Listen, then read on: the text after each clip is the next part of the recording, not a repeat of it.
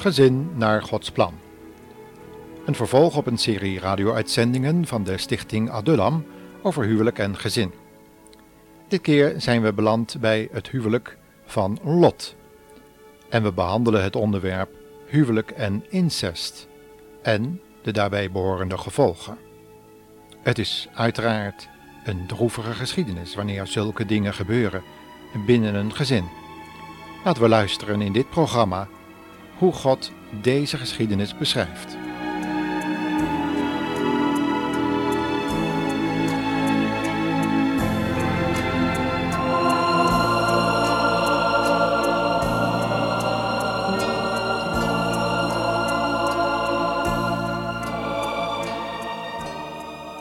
De geschiedenis van het huwelijk en het gezin, wat we vandaag voor ons hebben, is een van de meest droevige die we in de Bijbel vinden. De gevolgen van lauwheid, halfslachtigheid en wereldgelijkvormigheid bij een gelovige worden bij de geschiedenis van Lot en zijn gezin wel heel duidelijk geschetst. Opnieuw zien we dat God niets verbergt in zijn woord. En ook niet bij zijn kinderen, als het tot oneer van zijn naam blijkt. Van Lot kan gerust gezegd worden wat Paulus in 1 Korinthe 11 vers 31 tot 32 schreef. Als wij onszelf rekenschap geven van wat wij doen, zal de Heer ons niet bestraffen. Maar als Hij ons bestraft, doet Hij dat om ons op de goede weg te leiden. Anders zouden wij met de wereld worden veroordeeld.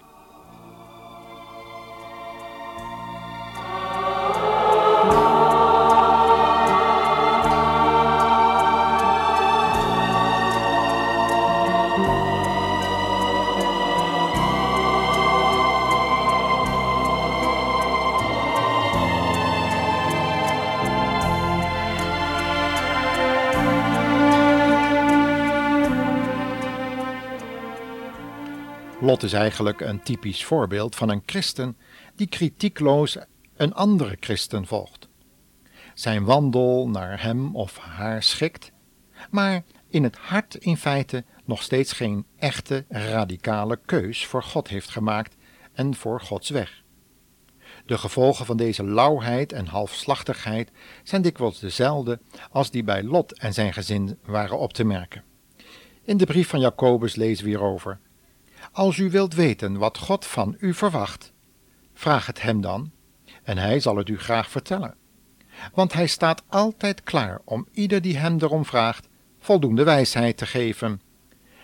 Hij zal het u niet kwalijk nemen, als u erom vraagt. Maar als u het vraagt, moet u het ook verwachten dat hij zal geven. Iemand die twijfelt lijkt op een golf van de zee, die door de wind heen en weer gejaagd wordt zo iemand moet niet denken dat de Heer hem iets zal geven, omdat hij twijfelachtig is en onzeker in zijn optreden. Lot kende die bange twijfels ook. En tijdens zijn zwerftochten met Abraham kwam dat heel duidelijk naar boven. Het sterke geloof van zijn oom deelde hij niet ten volle, hoewel zijn hart rechtvaardig bleek. Maar Lot was helaas gebonden aan deze wereld en werd daardoor innerlijk verdeeld door halfslachtigheid. En wij mogen ons zeker wel afvragen in hoeverre wij in deze tijd diezelfde lauwe halfslachtigheid onder christenen openbaren. Het leven van Lot is eigenlijk een plaatje van het christendom in deze tijd. Lauw, besluiteloos, met zichzelf ingenomen en op zoek naar rijkdom en succes. Wat Lot en wij nodig hebben, is een splinternieuw leven, een nieuwe relatie met de Heer Jezus. En daarover willen Henk Jan en Frans graag zingen. Luister maar.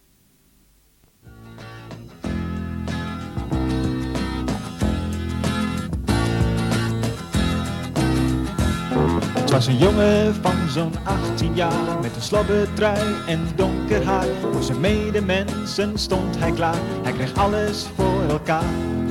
Hij liep vooraan in de politiek, deed aan voetbal en aan atletiek. Hield van cabaret en van mimiek en van rock en roll muziek. Maar hij was eenzaam en alleen.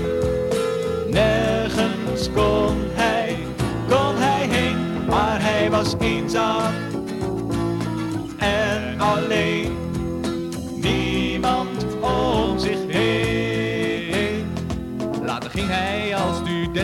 Pad. Van zijn vader kreeg hij centen zat. En hij dacht dat hij gevonden had op zijn kamers in de stad. S'avonds zat hij in zijn schommelstoel en hij rookte vaak een heleboel. En de drank gaf hem zo'n vrij gevoel. Alles werd dan heerlijk zwoel, maar hij was eenzaam en alleen.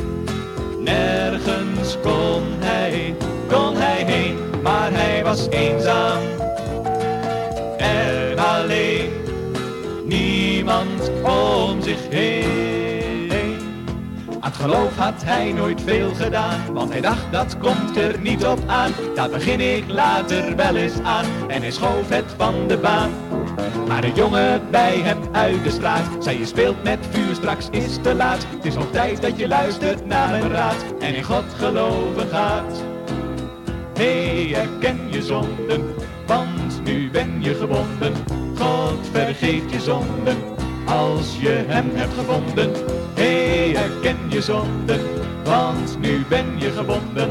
God vergeeft je zonden, als je hem hebt gevonden. Maar hij zei vlieg op voor mij een part En zijn innerlijk werd toen verhard En een leeg gevoel bleef in zijn hart Het was van binnen hol en zwart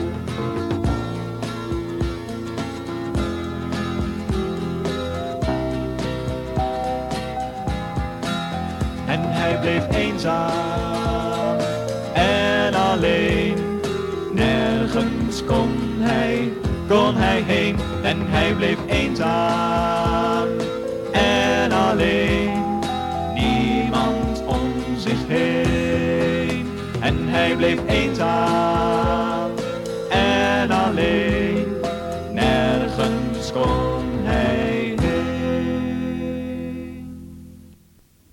En zoals de jongen in het lied van Henk Jan en Frans op zoek was naar een splinternieuw leven, maar dat op de verkeerde plaats zocht, zo zocht Lot het bij Sodom.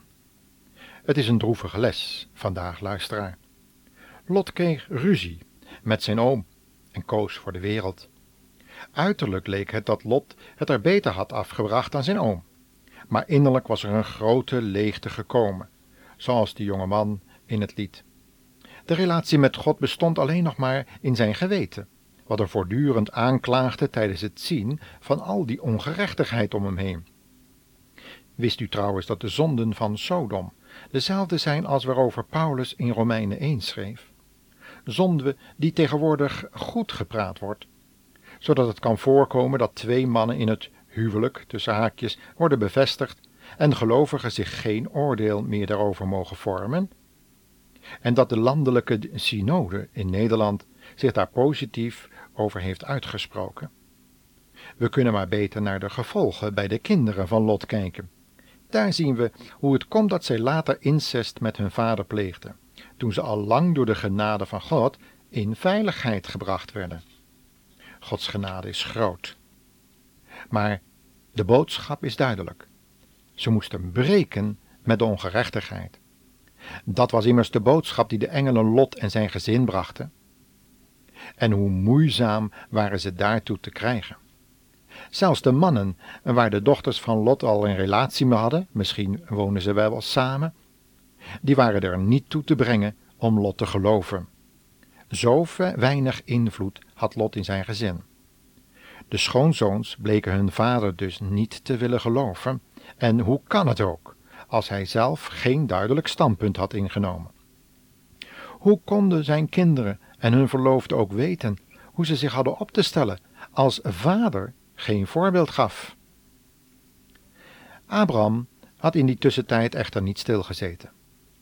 God had zijn vriend, want zo noemde God Abraham later, in vertrouwen genomen en getroost met de belofte dat er een zoon geboren zou worden in de ouderdom, terwijl de baarmoeder van Sarah al lang verstorven was. God had zijn ongenoegen echter ook bekendgemaakt over de zonden in Sodom en Gomorra en hij had gezegd dat het oordeel hierover spoedig zou aanvangen. Abraham was geschrokken en hij had gepleit voor de bewoners van die goddeloze steden, want hij wist dat zijn eigen neef daar woonde. En hij ging er van de veronderstelling uit dat die wel vruchten zou voortgebracht hebben in een getuigenis.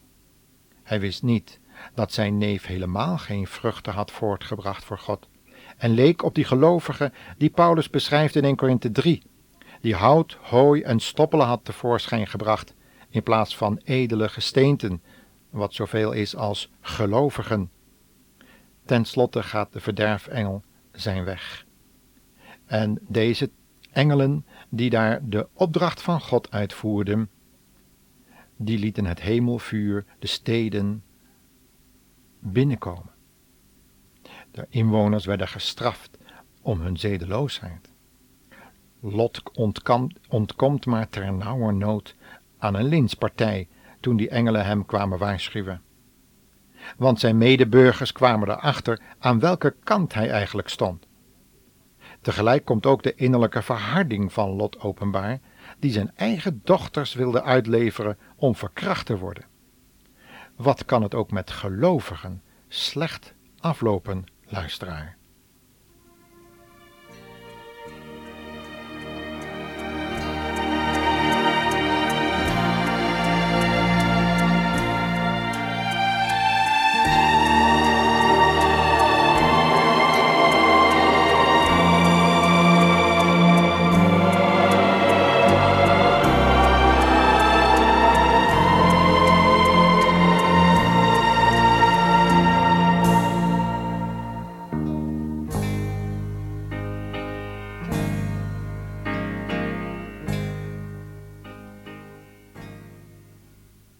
Uiteindelijk wordt Lot en zijn gezin in veiligheid gebracht, buiten het vuuroordeel van God. Maar wat zien we nu gebeuren? Zijn vrouw blijft halverwege staan, keert zich vol heimwee naar de wereld achter haar om en blijft voor altijd achter. Nu was Lot een weduwnaar geworden. En de vrouw van Lot is een teken geworden voor allen die in hun hart de wereld blijven liefhebben en zich nooit helemaal aan de Heer hebben toegewijd. Wat zijn dat eigenlijk een lessen voor u en mij, luisteraar? Aan welke kant staan we eigenlijk? Aan de kant van Abraham en zijn gezin? Of aan de kant van Lot en zijn dochters? Het einde van Lots gezin kunnen we lezen in Genesis 19, vers 33. Laten we het eens voorlezen. Zo voerden de meisjes hun vader die avond dronken. En de oudste dochter ging bij hem liggen en had gemeenschap met haar vader. En Lot merkte niet eens dat ze bij hem kwam en ook weer wegging. Ook haar zuster ging met haar vader naar bed, lezen we. En het gevolg was dat ze in verwachting van hun eigen vader raakte. Ik weet dat zulke dingen ook nu voor kunnen komen. God ziet dat kwaad. En de gevolgen worden zichtbaar in handel en wandel, ook bij gelovigen. Laten we acht geven op zulke ernstige waarschuwingen zoals die in de Bijbel worden beschreven. Vooral nu we met onze kinderen in een tijd leven van zedeloosheid en een leefstijl gewoon schijnt geworden te zijn, die volkomen tegen de Bijbel ingaat. Ook onder kerkbezoekers komt dit voor. De Bijbel is een openhartig boek. Geen zonde wordt er goed gepraat, maar God laat in zijn genade doorschemeren dat er zelfs in die geschiedenis van Lot een uitkomst is. Hij zelf wordt immers behouden, maar zoals Gods woord het zegt, als door vuur heen. En zou dat Gods bedoeling met u en mij zo zijn, luisteraar?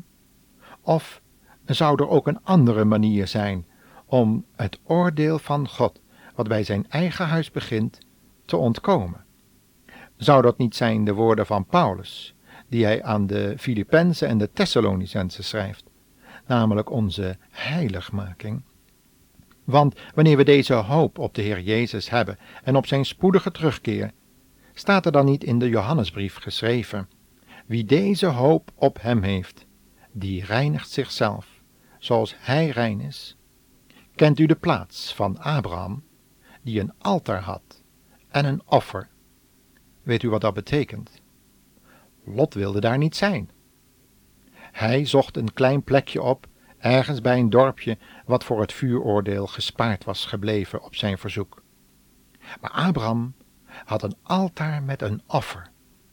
En een offer, dat is een onschuldig dier, wat geslacht werd voor zijn en onze, ja, uw zonden. En dat zag alles op de Heer Jezus, op het kruis van Golgotha. God geven dat u ook, daar bij dat altaar, wat in de profeet Malachi beschreven wordt als de tafel van de Heer, dat u daar dikwijls mag vertoeven, om zijn dood, de dood van de Heer Jezus Christus te verkondigen, en aan Hem te denken, die zichzelf gaf als het offerlam voor u, voor mij.